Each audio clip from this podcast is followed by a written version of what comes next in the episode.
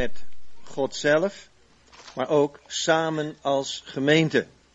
Als wij samen optrekken, zijn we samen sterk en kan God ook zich met ons verbinden door het nog krachtiger en sterker dan te maken.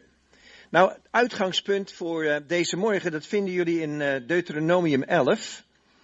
Deuteronomium hoofdstuk 11. En dan lees ik vanaf vers 18. Deuteronomium hoofdstuk 11 en dan vanaf vers 18. Houd mijn woorden dus in gedachten, maak ze uw eigen, draag ze als een teken om uw arm en als een band op uw voorhoofd. Prent ze uw kinderen in en spreek er steeds over, thuis en onderweg, als u naar bed gaat en als u opstaat. Schrijf ze op de deurposten van uw huis en op de poorten van de stad. Dan zullen u en uw kinderen lang mogen wonen in het land dat de Heer uw voorouders onder Ede heeft beloofd, zolang de hemel boven de aarde staat. Wanneer u alle geboden die ik u geef zorgvuldig naleeft, en u de Heer uw God lief hebt, hem bent toegedaan, en de weg volgt die hij wijst, dan zal hij ter wille van u al die volken die groter en machtiger zijn dan u, verdrijven en hun land aan u in bezit geven. Tot zover. Als je het goed hier leest in Deuteronomium hoofdstuk 11, dan zie je dat moeilijkheden worden overwonnen als we doen wat God zegt. Alleen er is een belangrijk punt nog bij. En het belangrijke punt is dat we dan wel allemaal mee moeten doen. Dat betekent dus dat er niet iemand hier moet zijn die denkt, als ik niet meedoe, maakt dat niks uit, ik ben volkomen onbelangrijk. Nee, we zijn allemaal uniek. Dat betekent dus, we zijn ook allemaal belangrijk en we horen erbij om te passen in dat plan van God. Laat, me dat eventjes uh, wat toelichten aan de hand van het verhaal van een bruiloft in China. Moet je even voorstellen dat die bruiloft in China, dat de bedoeling is dat iedereen een flesje wijn meebrengt en dat goedkope en dure soorten uitgegoten worden in één vat en dat wordt dan geroerd en uit dat vaatje wordt getapt. En zo brengt iedereen een flesje mee naar de bruiloft en die worden leeggegoten in dat vat. En de zaak wordt geroerd en dan worden de glazen vol gegoten. En dan op een gegeven moment beginnen de mensen te drinken en ze kijken elkaar aan. En ze zeggen, proef jij wat ik proef? Puur water, joh. Puur water. En hoe kwam dat nou? Eentje had gedacht, als ik er een flesje water in gooi, merkt niemand dat. Maar helaas had niet eentje dat gedacht, maar ze hadden allemaal gedacht. Dat merkt niemand. En zo kreeg je het omgekeerde Kana-wonder en veranderde wijn in water in plaats van andersom. De les. De les is, we zijn dus allemaal uniek en allemaal belangrijk. Als je allemaal denkt dat je onbelangrijk bent, word je nooit samen sterk. Dus begin om te, begin te beginnen met te geloven dat je erbij hoort. Dat je een onderdeel bent van het plan van God. En dat je belangrijk bent. Zonder jou kan het geen lichaam worden. De laatste jaren kom ik nogal wat mensen tegen die vroeger naar een kerk of gemeente gingen en die nergens meer naartoe gaan. En dan begin ik een gesprek met ze en dan zeg ik, waarom ga je eigenlijk niet meer? Nou, een groot gedeelte gaat niet meer naar de kerk omdat het grondpersoneel niet deugt. Dat is het idee. Ja, maar in die kerk en in die gemeente dit en zitten dat soort mensen en zus en zo en zo is er van allemaal wat. Een ander deel zegt, ach, ik hoef niet naar die kerk, ik kan ook in mijn eentje op zolder heilig zitten te worden. Nou, dat lukt je ook niet hoor. Je kunt nooit in je eentje heilig zitten worden. Je hebt juist elkaar nodig om bijgeslepen te worden. Je hebt elkaar nodig om samen sterk te zijn. En je kunt niet in je eentje op zolder heilig zitten worden, want dat wordt absoluut niks. Je kunt trouwens in je eentje ook geen zending bedrijven, je kunt in je eentje geen kindersamenkomst organiseren, je kunt in je eentje helemaal al die dingen niet doen. Dus we hebben elkaar nodig. We horen bij elkaar. Kwam ook iemand tegen en die zei, Kees, weet jij nog niet een volmaakte gemeente voor me? En mijn vraag was, wat verwacht je dan van een volmaakte gemeente? En het antwoord was, nou, als ik een volmaakte gemeente zou vinden, dan zou ik zelf ook volmaakt worden. Ik zei, maar dat is een domme gedachte. Dat is net zo dom als dat je gelooft als ik maar in een stal ga liggen, word ik vanzelf wel een koe. Of als ik in een garage, een showroom ga staan, word ik vanzelf een automobiel. Je wordt niet volmaakt door een gemeente. Er is trouwens geen volmaakte gemeente. Hè? Ik herinner me nog een voorganger, die zei iets wat ik nooit zou durven. Maar toen er iemand bij hem kwam en zei, weet u nou geen volmaakte gemeente? Toen was zijn antwoord, die weet ik wel, maar als u er komt is die weer niet volmaakt. En toen dacht ik, nou, maar er zit wel iets in. Want ik verwacht niet dat een gemeente mij volmaakt maakt. Ik verwacht dat als ik een relatie met God heb, dat ik daaruit vervolmaakt word. En als jij dat ook doet, en jij dat ook doet, en jij dat ook doet, dan zijn we samen sterk. Want dan hebben we allemaal diezelfde relatie met de Heer. Dus voorwaarde, zegt Deuteronomium 11, om Gods zegen te ervaren, is dus gehoorzaamheid aan God en niet één moeten doen, maar wij allemaal. Kijk, je kunt van alles vinden van je gemeente. Je kunt te groot vinden, te klein vinden, te dit vinden, te dat vinden. Maar begin eens bij jezelf. Wie ben jij dan? En wie is jouw gezin dan? Want als we niet bij onszelf beginnen, komt het niet goed. Wij merken dat in deze wanordelijke wereld ook onze christelijke gezinnen worden meegesleept. De wereld erkent geen gezag en daarom is het wanorde. En waar God niet meer kan regeren in onszelf, eigen leven en in onze gezinnen, ontstaat sowieso wanorde. Waar vaders en moeders niet meer op hun plaats staan, ontstaat wanorde in het gezin. En aangezien het gezin de kleinste vorm is van gemeente, zet deze trend zich ook voort in de gemeente. En zie je eigenlijk dat dat daar wat thuis gebeurt in onze persoonlijke relatie met God en in onze gezinnen zich voortzet in. Ik zal je even helpen dat wat uit te diepen met mij. Jullie weten waarschijnlijk dat op het Tempelplein in Jeruzalem, daar vinden we de Omar-moskee. En toen die moskee gebouwd werd, toen hadden ze nog geen maquettes zoals wij, driedimensionaal model, weet je wel, op schaal. Dat bestond niet. Dus het idee was, zo gaat het verhaal, dat ze eerst een kleinschalige moskee gingen bouwen, een soort mini-moskee. En in die mini-moskee probeerden ze van alles uit. Dit zou zo moeten werken, dit zou zo, werkt het wel, anders stellen we het bij. En toen die miniatuurmoskee naar volle tevredenheid was gebouwd, bouwden ze de grote moskee. En eigenlijk is dat ook het plan van de Heer Jezus. Voordat hij begon met het plan van de gemeente, had hij eerst een miniatuurgemeenschap op het oog. En dat is het gezin. En in dat gezin komen eigenlijk alle voorkomende problemen voor. De verhouding man-vrouw, vrouw-man, broer-zus, vader-kind, moeder-kind, enzovoort, enzovoort. En functioneert dat allemaal goed, dan is dat een bijdrage aan een gezonde gemeente. De laatste jaren word ik erbij bepaald, ook bij ons in Zwolle, dat heel veel mensen te veel verwachting hebben van de leiding van hun gemeente. Die leiding van die gemeente en die voorganger, die moet alles kunnen tegenwoordig. Alles waar wij thuis mee zitten, moet in de gemeente worden opgelost. En dat is omgekeerde wereld. Je zult eerst thuis de dingen moeten oplossen, voordat je iets kunt vragen en verlangen van de gemeente. En ik merk het in het onderwijs ook. Er zijn steeds meer ouders die vinden dat de onderwijzer of de juf hun kinderen moet opvoeden. Maar dat is omgekeerde wereld. Je moet het thuis doen. En als je geen kinderen hebt, prima. Maar geef dan ook een voorbeeld. Wees een voorbeeld. Door je persoonlijke relatie met God. Je gezinsrelatie. En alles wat er verder bij komt. Want, en nu komt de stelling. Ons sociale gedrag is vaak een verlengstuk van ons gedrag in het gezin. En een groot deel van de gemeenteproblemen zijn een verlengstuk van de gezinsproblemen. En je persoonlijke problemen. En het is niet eerlijk om te verwachten dat in de gemeente elk probleem kan worden opgelost. Nou, ik ga het een beetje met jullie uitdiepen. Paulus die spreekt in de Galatenbrief over toverij. En ik weet niet hoe dat met jullie is, maar als ik het woordje toverij hier noem, dan denk ik dat velen van jullie denken, nou, dat is niet in Nederland. En zeker niet in Zutphen. Dat kennen wij niet hier. Dat hoort bij Afrika, dat hoort bij Zuid-Amerika, dat hoort bij Azië. Maar bij Nederland? Er staat iets merkwaardigs in je Bijbel en dat staat in 1 Samuel 15 vers 23. Daar staat weerspannigheid is even erg als toverij.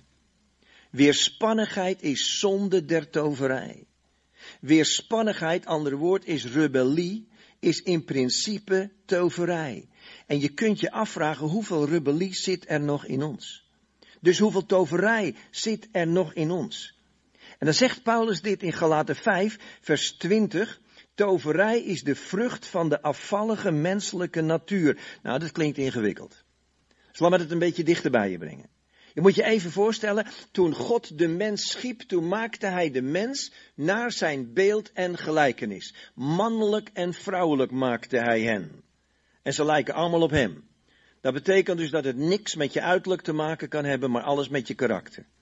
Als wij geschapen zijn naar Gods beeld, dan hebben wij zijn aard, zijn natuur, zijn karakter. En daarin moet God zichtbaar worden, maar niet in je uiterlijk. Dat betekent dus dat we geschapen zijn naar het beeld van God, maar toen kwam er nog iets bij. Want wat deed God? God zei, ik heb die mens ook geschapen, niet alleen naar mijn beeld en gelijkenis, maar om te heersen. Om heerschappij te voeren. Om leiding te geven. Om autoriteit uit te oefenen. En toen die mens rebelleerde tegen God, toen die mens toch ging zondigen, toen verloor die mens de door God gegeven autoriteit, heerschappij. En nou komt het probleem.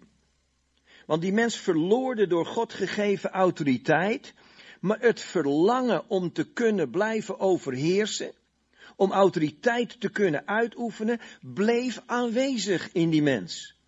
En wat deed die mens?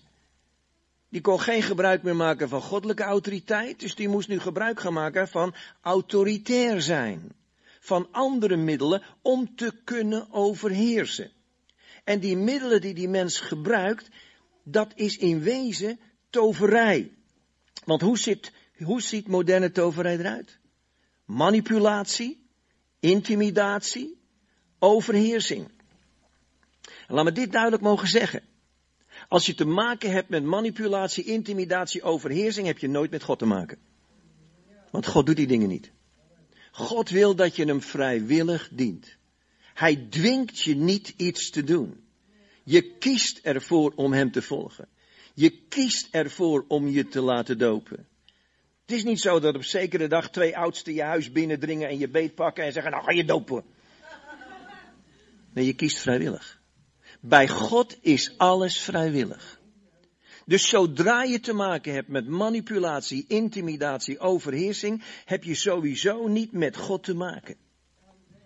Dus wie maakt er gebruik van intimidatie, manipulatie, overheersing? De mens, zo zou het moeten zijn, zonder God. Want die is een goddelijke autoriteit kwijt. Ik wil dat iets duidelijk nog uh, proberen te zeggen. God heeft ouders gezag gegeven over de kinderen. En waar kinderen het gezag van de ouders niet willen accepteren, grijpen ze naar het middel van manipulatie. Een kind weet dat moeder dat niet goed vindt. Dus komt het kind het toch vragen als moeder bezoek heeft. En moeder wil geen scène, want ze heeft bezoek. En het kind vraagt wat, wat niet mag, maar moeder zegt voor deze keer dan. Manipulatie. Manipulatie. Hebben jullie trouwens gemerkt dat je je kinderen niet hoeft te leren hoe ze moeten manipuleren? Ze krijgen dat vanaf de geboorte mee. En weet je hoe dat komt? Omdat het ook in ons zit. Ze zijn niet een product van God zelf, ze zijn een product van ons. En het zit in onze genen. En het zit in ons DNA. En manipuleren kunnen we allemaal. En de kunst is nu om als wij tot God komen, om niet meer te heersen via manipulatie, maar via goddelijke principes. En los daarvan te komen. Maar laat ik nog even verder gaan. Dus manipulatie zit in onze kinderen, maar hoeveel vrouwen zijn in staat hun mannen te manipuleren? In tranen uitbarsten, een scène maken, het eten laten aanbranden, migraine voorwenden. Allemaal bruikbaar om aandacht te trekken. voordat je nou denkt dat ik vrouwonvriendelijk ben. Die mannen kunnen er ook wat van hoor. Alleen onderzoek heeft uitgewezen dat vrouwen wat meer manipuleren en mannen wat meer intimideren. Ken je dat ook? Fysieke en seksuele intimidatie bij mannen. Is ook een hoop intimidatie bij mannen trouwens die nergens op slaat hoor. Kom een gezin binnen en er staat zo'n vader te vertellen aan zijn kind en je doet wat ik zeg. Ik tel tot drie. Nou, dat is heel intimiderend hoor.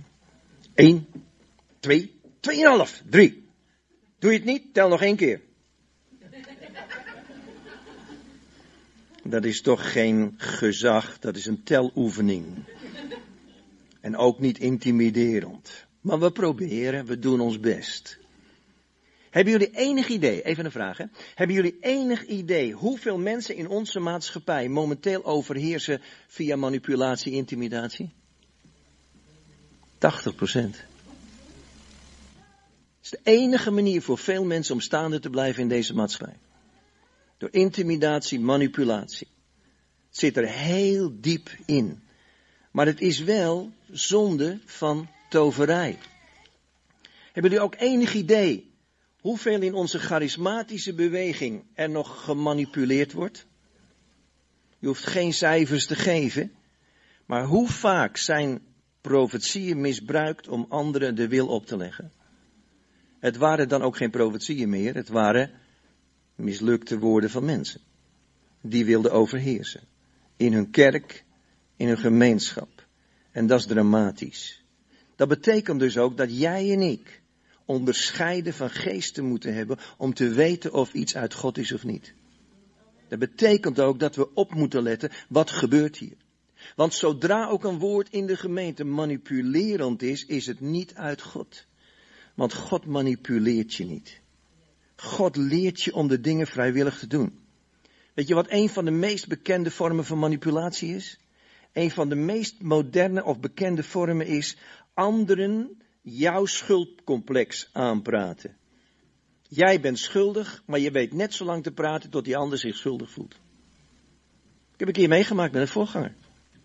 Een voorganger die de mist in was gegaan met allerlei zonden. En op een gegeven moment staat hij op het podium.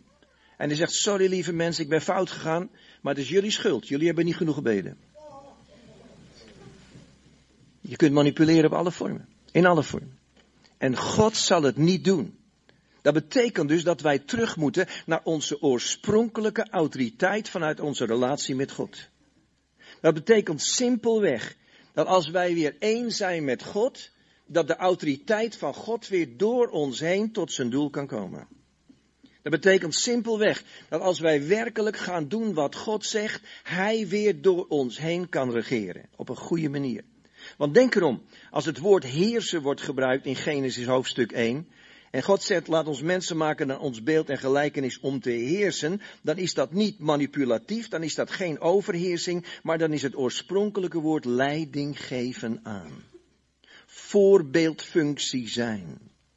Laten zien wie je bent in Christus. Hetzelfde idee heb je in Efeze 5. De man is het hoofd van de vrouw. Niet dictatoriaal, maar heeft een voorbeeldfunctie. En als hij die voorbeeldfunctie uitoefent, is hij waard om gevolgd te worden. Zo werkt het eigenlijk door alles heen. Nou, als ik weer even terug mag gaan hier naar die manipulatievorm, dan zie je dus dat toverij is ontstaan doordat onze menselijke natuur wilde overheersen zonder God. Maar er is nog wat. Zijn jullie ook zo blij dat er nog mensen tot geloof komen? Ik wel. Ik ben heel blij dat er mensen tot geloof komen. Maar ze brengen van alles mee. En er is een groot verschil tussen bekering en bevrijding. Dat betekent dus dat er mensen bij onze gemeentes binnenkomen met de beste bedoelingen, maar ze zijn nog niet vrij van hun verleden. Er zit nog van alles in. En als dat niet ontdekt wordt, dan krijg je toch een vorm van manipulatie. Dan krijg je een vorm van wat jij goed vindt, vindt hij fout en wat hij fout vindt, vindt hij goed. Er komen mensen binnen die zeggen, ja, we zijn zo opgevoed, dat kan je niet maken, joh. Wij doen dat nooit op zondag. Wij hebben geleerd op zondag niet fietsen, niet zwemmen, geen ijsjes kopen. Zo ben ik ook nog opgevoed in het begin. En toen ik veertien was, mocht ik ineens wel fietsen, maar geen ijsjes kopen. En uiteindelijk mocht ik wel een ijsje ophalen, maar op maandag betalen. Want er mocht geen handel gedreven worden op zondag. En wie heeft al die wetten bedacht? De mens. Met andere woorden, er komt een hoop wetticisme binnen. Er komt van alles binnen. En daar zitten we dan mee. Dat betekent dus dat we niet alleen blij zijn dat mensen tot geloof komen, maar dat ze ook moeten komen tot een stuk bevrijding. Ik heb bemiddeld in een gemeente waar ze er trots op waren dat ze bijna dertien stromingen hadden onder één dak.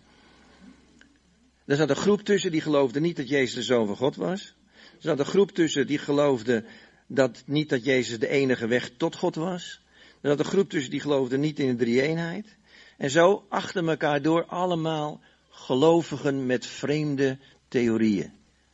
En ze waren dus zo trots op en ze zeiden, wij hebben een geweldig voorbeeld van eenheid. Zoveel stromingen onder één dak. En op zekere dag stonden ze bij me op de stoep en ze zeiden, Kees, het gaat niet langer zo. We waren zo trots, maar het werkt niet. Want als we daarover preken, zijn die boos. En als we daarover preken, zijn die boos. En we daarover preken, zijn die boos. Altijd is er wel iemand boos. Ga niet. Nee, jullie moeten duidelijk stellen, wat geloven we met elkaar? Eenheid is niet gebaseerd op samen proberen één te blijven op het horizontale vlak. Maar eenheid is gebaseerd op een verticale relatie.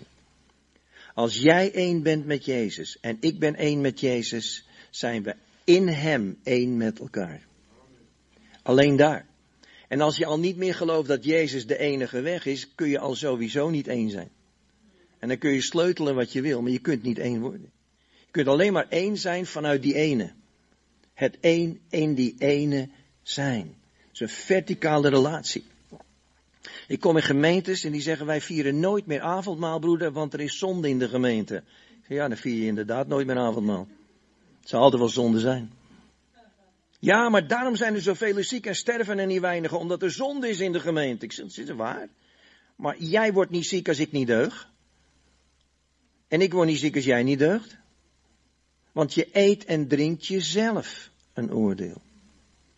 Met andere woorden, als ik één ben met Jezus en jij bent één met Jezus, ontmoeten we elkaar in Hem. Lieve mensen, er is even een verschil tussen het lichaam van de Heer, van Jezus, en het lichaam van Christus, de gemeente. En als ik het brood neem en de wijn drink, heb ik niet in eerste instantie gemeenschap met jou, maar met Jezus. En als jij goed staat voor de Heer en ik goed sta voor de Heer, dan hebben we gemeenschap met Jezus en pas in Hem met elkaar. En daarom word ik niet ziek als jij niet deugt. En andersom ook niet. Want de lijn is verticaal in eerste instantie eenheid. Vind je dat niet mooi van het kruis? De verticale balk is langer dan de horizontale. Dat betekent dus die verticale eenheid. Ik één met Jezus, jij één met Jezus, in Hem één met elkaar. En daarvan uit kunnen we dan gaan sleutelen aan een horizontale eenheid. En in die eenheid zijn we ook weer sterk. Maar goed, het probleem bij de gelaten is nog steeds dat er zoveel vlees is in plaats van geest. Dat vlees komt steeds weer terug. Menselijke regels overheersen door alles wat er binnen is gekomen. En menselijke regels die leiden altijd tot dwangmatig gedrag. Menselijke regels maken altijd dat je iets onvrijwillig moet gaan doen. Denk, let wel, er moeten regels zijn, hè? Maar zodra ze dwangmatig worden in de geestelijke lijn, heb je een probleem. Kijk, ik moet me aan de regels houden als ik van Zwolle hier kom. Ik had ook vanmorgen kunnen zeggen, je bent vrijgemaakt, joh, ga de hele weg links rijden, kan jou het schelen. Je bent vrijgemaakt van de wet, je hebt nergens meer last van. Doe gewoon waar je zin in hebt en ik was hier nooit gekomen. Maar juist de vrijheid is gekoppeld aan die regel. Dus er zijn goede regels. Maar er zijn ook dwangmatige regels op geestelijk vlak die mij dwingen op zondag dit te doen en op maandag dat te doen. Dus stoverij en wetticisme moeten verbroken worden, want ze zijn altijd dwangmatig. En daarom moeten we terug naar een gemeente die niet dat doet uit dwang, maar uit liefde tot Jezus. Nou nog even terug. Waar ging het nou fout in de eerste gemeenschap, in dat eerste gezin? Adam en Eva. Let wel, als Eva wordt verzocht door de slang, wordt ze niet verzocht omdat ze vrouw is. En ook niet daardoor de zwakste schakel. Ze is de zwakste schakel omdat ze van horen zeggen heeft dat ze niet van die boom mogen eten. Adam had het rechtstreeks van God. En van horen zeggen is altijd wat minder sterk. Dus die slang die komt bij Eva. En dan kun je allerlei verhalen gaan houden. Ik ken ze ook voor een groot deel wel. Maar stel nou eens dat Eva gewoon had gedaan wat ze moest doen. En dat ze simpelweg had gezegd, slang luister. Valt je trouwens niet op dat ze helemaal niet opkijkt dat die slang kan praten? Dat was gewoon in het paradijs. Je kon gewoon met die dieren praten. Communicatie met de dieren. Eva zegt helemaal niet van, gut, kun je praten? Nee, ze begint meteen een gesprek. Had ze niet moeten doen, maar dat even daar. Dus wat gebeurt er? Even terug naar het verhaal. Als Eva op haar plaats had gestaan, had ze gezegd, slang luister. Belangrijke beslissingen neem ik altijd met mijn man samen. Wacht maar even tot die komt. En dan had Adam kunnen zeggen, slang luister, belangrijke beslissingen nemen we nooit zonder God. En die komt elke avond voorbij, wacht maar even tot die er is. En was het dan fout gegaan? Nee. Dus het eerste gezin ging kapot aan wanorde. Wanorde leidde tot zonde. En natuurlijk gaat het er weer niet om dat Eva een vrouw is. Kan ook een lans voor haar breken. Het Latijnse woord voor slang is serpent. En serpent betekent fluisteraar. En als iemand begint te fluisteren, gaan de mensen altijd luisteren. Maar nou wordt het interessant. Zit ook in serpentines, hè, die fluisteren in de, in de wind. Dus Eva gaat het gesprek aan, zonde komt in de wereld, Adam eet ook. Waarom, dat is nou even niet zo belangrijk. Het punt is dat het gebeurt en het eerste gezin slaat door wanorde stuk. En daarmee is in wezen de toon gezet dat door wanorde alles kapot gaat in deze wereld. Want God is een God van orde.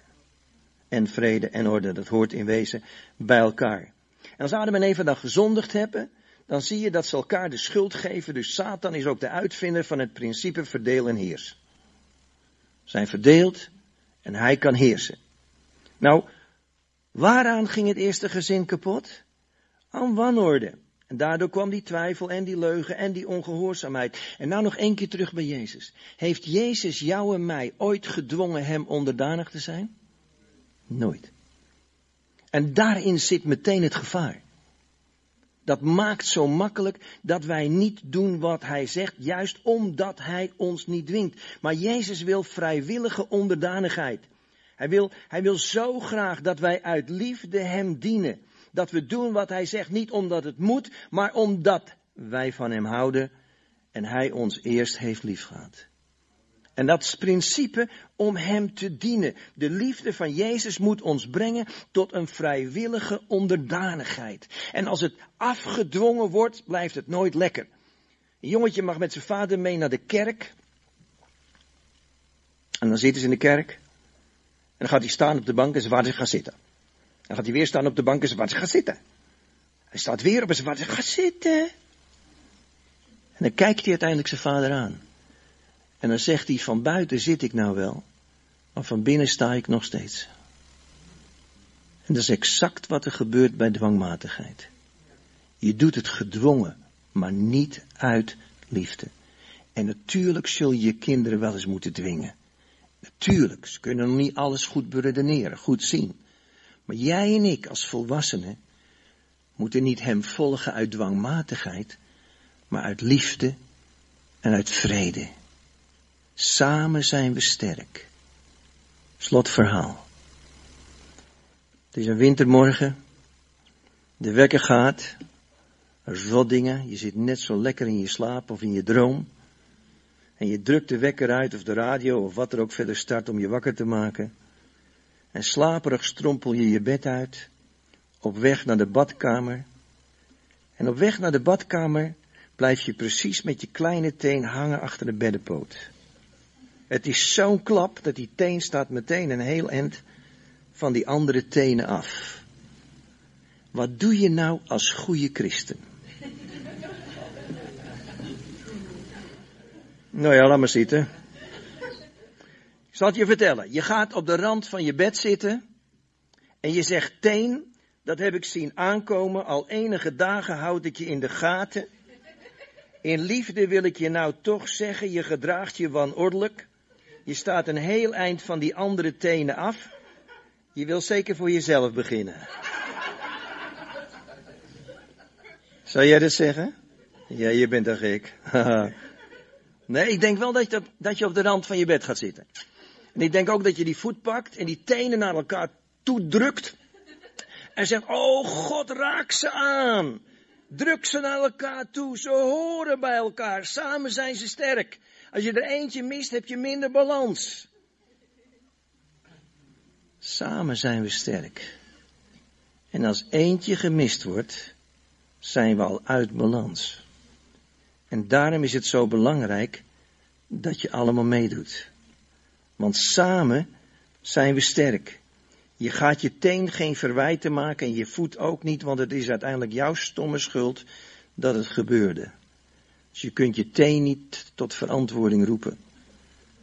Waar maak je fouten? Neem de verantwoordelijkheid. Maar geef anderen niet de schuld. En zorg ervoor dat je je unieke plaats inneemt in het plan van God. Want als jij niet meedoet, missen we één schakel en raken we uit balans. En denk niet van mijn plaats in het lichaam, joh, is niet zo belangrijk, ik ben niet zo'n spreker. Nee, maar misschien ben je iemand die goed kan dienen of iets anders goed kan. Je bent super belangrijk in dat plan van God. En vanmorgen strekt God zijn handen naar ons uit. En hij zegt, lieve gemeente, leef. Jullie horen bij elkaar. En ik druk jullie naar elkaar toe. En ik wil jullie tot een eenheid maken voor zover je dat nog niet bent. Want samen zijn jullie sterk. En samen als één lichaam zul je het lichaam dat buiten zich de wereld noemt, overweldigen door mijn kracht, zegt de Heer. Maar doe dan wel alle manipulatie, intimidatie, wetticisme weg uit je midden. En ga weer staan in mijn gezag en autoriteit. Er is een groot verschil tussen geestelijke autoriteit en positionele autoriteit. Je kunt honderd keer roepen, ik ben je moeder, ben je vader. Maar als je geen geestelijke autoriteit hebt, blijf je nergens. Ik kan roepen, ik ben je voorganger, je doet wat ik zeg. Maar alleen al het feit als ik het zou moeten roepen, heb ik het dan verloren. Want als het niet zichtbaar is in mijn leven, door mijn relatie met de enige echte autoriteit, kan ik roepen wat ik wil. Herstel van goddelijke autoriteit door het wegdoen van alle vormen van toverij. Zullen we daar samen voor gaan bidden?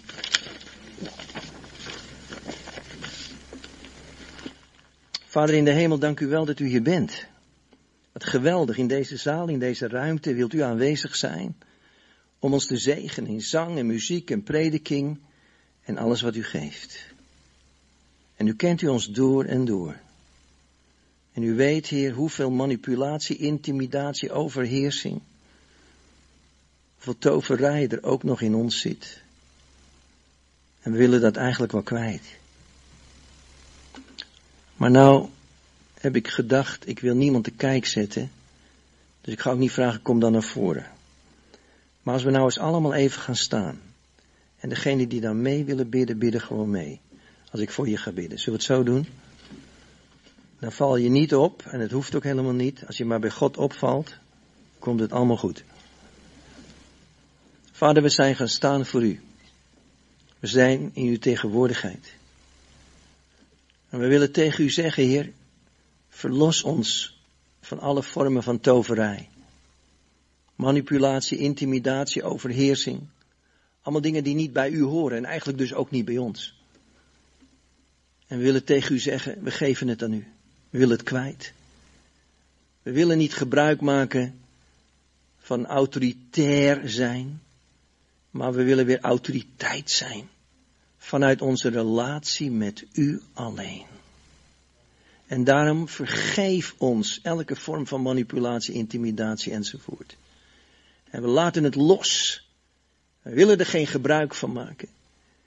En we willen handelen vanuit uw liefde, vanuit uw genade, vanuit uw autoriteit. Zodat u door ons heen tot uw doel komt. En daar gebeuren zal wat u wilt. Heer, zo aan. Reinig ons van onze eigen inspanningen. Reinig ons van onze eigen probeersels. En raak ons aan met de volheid van uw geest, opdat uw autoriteit en gezag weer in ons zal zijn en over ons zal zijn en door ons heen zal werken, zodat Jezus gezien zal worden. Ook in onze omgeving. En mensen moeten buigen, niet voor onze woorden, maar voor uw gezag en autoriteit, die u door ons heen wilt laten werken, tot eer van uw naam. En daarmee wil ik jullie zegenen, omdat je dat mag ervaren, lekker ontspannen. Gewoon samen met de Heer. Dank u Heer dat u ons helpt in onze gezinnen, in ons alleen zijn. En dat we daar ook een prachtige relatie mogen opbouwen met uzelf. Zodat we ook wezenlijk als vrije mensen kunnen binnenkomen in de gemeente. En u ook in deze gemeente tot uw doel kunt komen om nog meer mensen te bereiken. In Jezus' naam. Amen.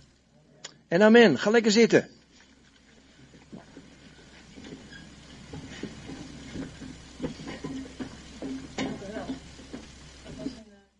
Het woord, of niet? Ja, hè? Ik vraag mensen van het gebed, willen jullie